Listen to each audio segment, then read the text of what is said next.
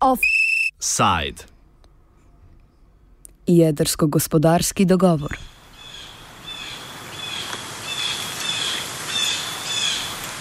Šesterica predstavnikov stalnih članic Varnostnega sveta Združenih narodov in Nemčije na eni in Irana na drugi strani je včeraj dosegla dogovor glede iranskega jedrskega programa. Ta bo z omejitvijo iranskega jedrskega razvoja nedvomno pripomogel k preprečevanju potencialno oboroženega konflikta, k kateremu se je včasih zdelo, da drvita nasprotujoči si strani hkrati pa bo z opustitvijo gospodarskih sankcij proti Iranu omogočil ponoven vklop te države v svetovni trg. Za začetek prepustimo besedo Hasanu Hakimijanu z londonske School of Oriental and African Studies.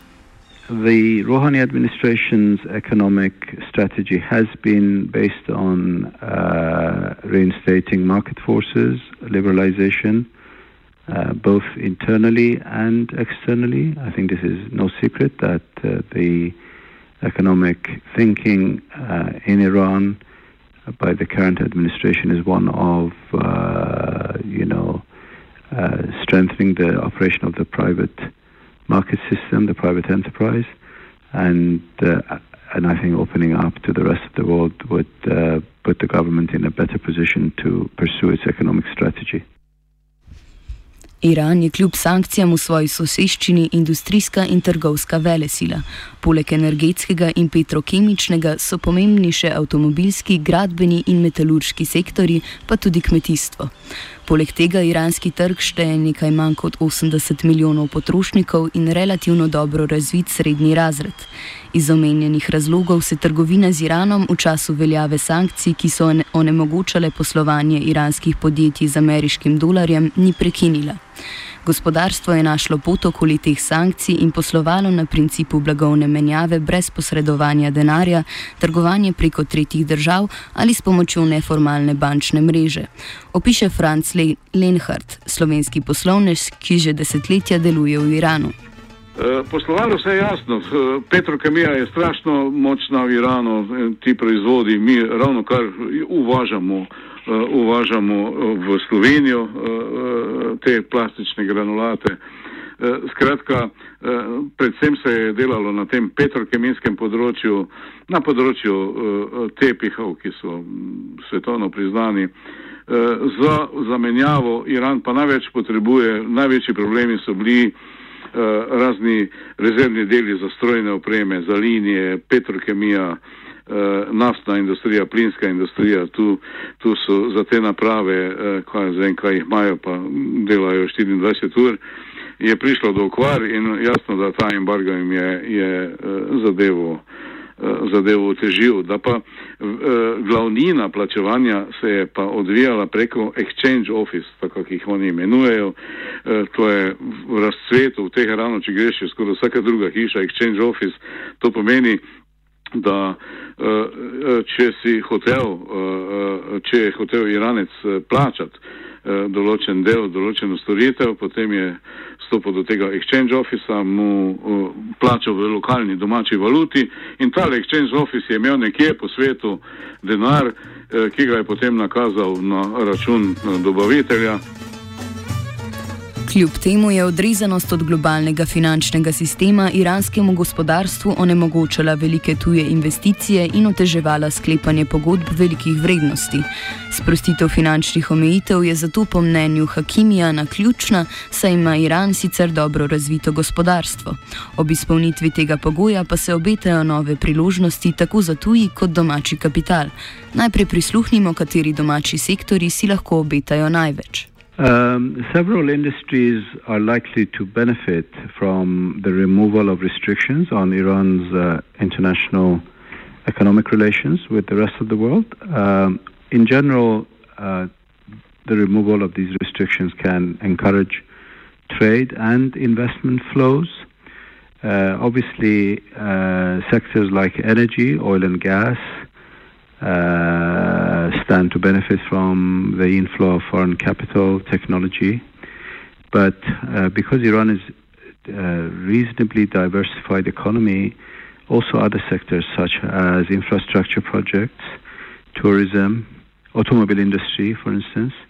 These are some of the industries uh, that would benefit from access to foreign technology markets and capital. Za tuja podjetja pa je obetaven dostop do iranskih potrošnikov, nadaljuje Hakimjan.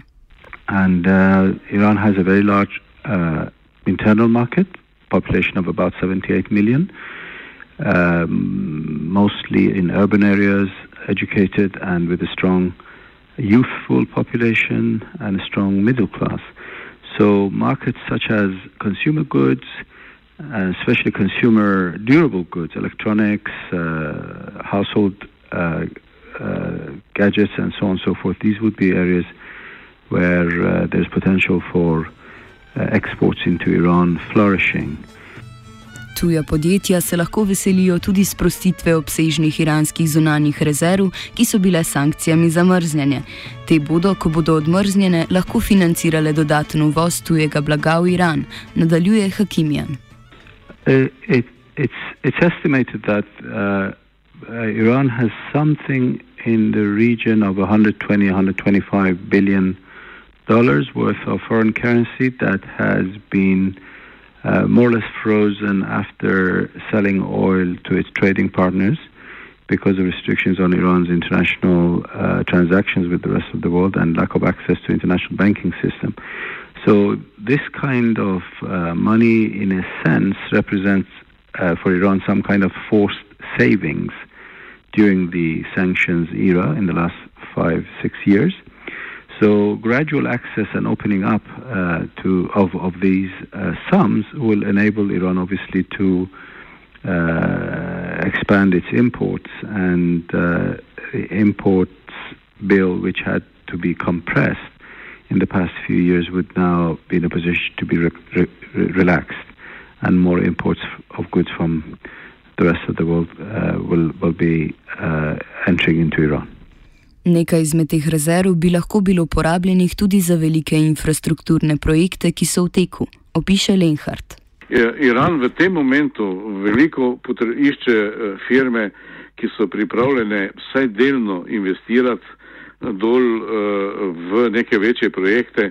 Oni imajo petletne projekte. Zdaj je bil petletni projekt uh, izgradnje avtocest pa vse inf infrastrukture, zdaj je pet let uh, projekt uh, železnice, uh, uh, tako je pri nas recimo benzinski, benzinski evro, tako pri njih gre od nafte pa od plina direktno v en sklad in se posodabla železnica, uh, vsa infrastruktura, uh, iščejo se vlaki, ki bojo vozili 200 na uro in tako dalje. Poleg izdatnega domačega trga in delovne sile pa Iran tujim podjetjem ponuja vstopno točko v sosednje države, pojasni Lenhart. Iran je pravzaprav na Bližnjem vzhodu, bi rekel, vele sila, industrijska vele sila, ki izvaža prav vse te sosede. In jaz vedno pravim, če nekdo hoče sodelovati z Irakom, uh, Pakistanom, Uzbekistanom, Tadžikistanom, kaj zdaj, kaj se vse uh, zraven Irana, potem je prav, da začne v Iranu in preko Irana prodre na tiste trge, ker Iran je glavni izvoznik, on pozna kje pa kako. Katere države pa so najuspešnejše pri prodiranju na iranski trg, pojasni Hakimjan. Iran is one of the few markets where uh, competition from big American companies is not uh, a concern. So it has been quite lucrative for many Asian uh, enterprises, uh, and they've done business with Iran. Generally, Iran has also been able to diversify its uh, trading partners because of the sanctions. So typically, companies from China, Korea, India, Turkey to some extent have done well out of business with Iran. Iz geostrateškega vidika najpomembnejši aspekt ponovne vključitve Irana v svetovno ekonomijo pa smo pustili za konec. Govorimo seveda o izdatnih zalogah plina in nafte. Cene energentov so že tako nizke in dodatna kapaciteta, ki jo bo ponudil Iran, lahko cene spusti še dlje. Girgi Špant iz Indijske univerze Džawar Halala Nehruja zato meni, da se bo organizacija izvoznic nafte, krajše OPEC, morala soočiti z vrnitvijo Irana. Uh, Iran is the, the, one of the largest potential hydrocarbon power, you see. The Iranian oil is uh, waiting to come into the market. But at the same time, during sanctions, Iranian capacity to export oil to that volume which they which can play a very decisive role in the international market, we will have to wait for some time. Still, the estimates are that 400,000 to 600,000 barrel uh, oil of Iran can come immediately into the market.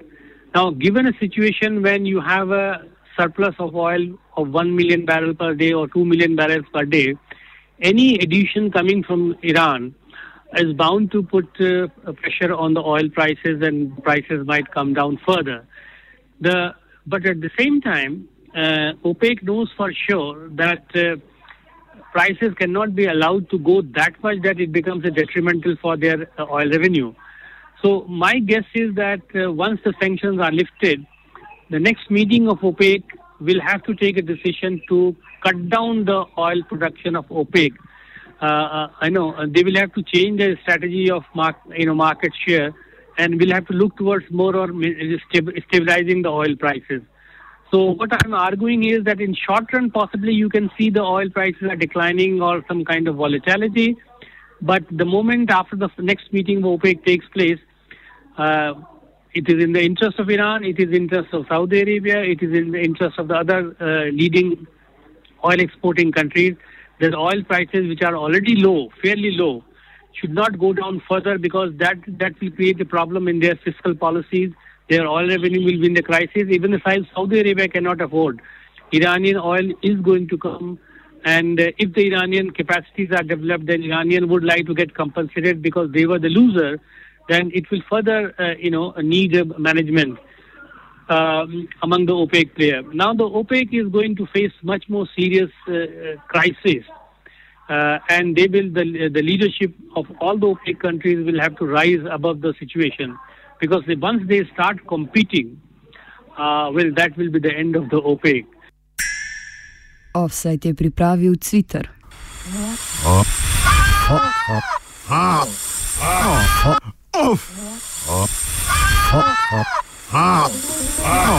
Offside.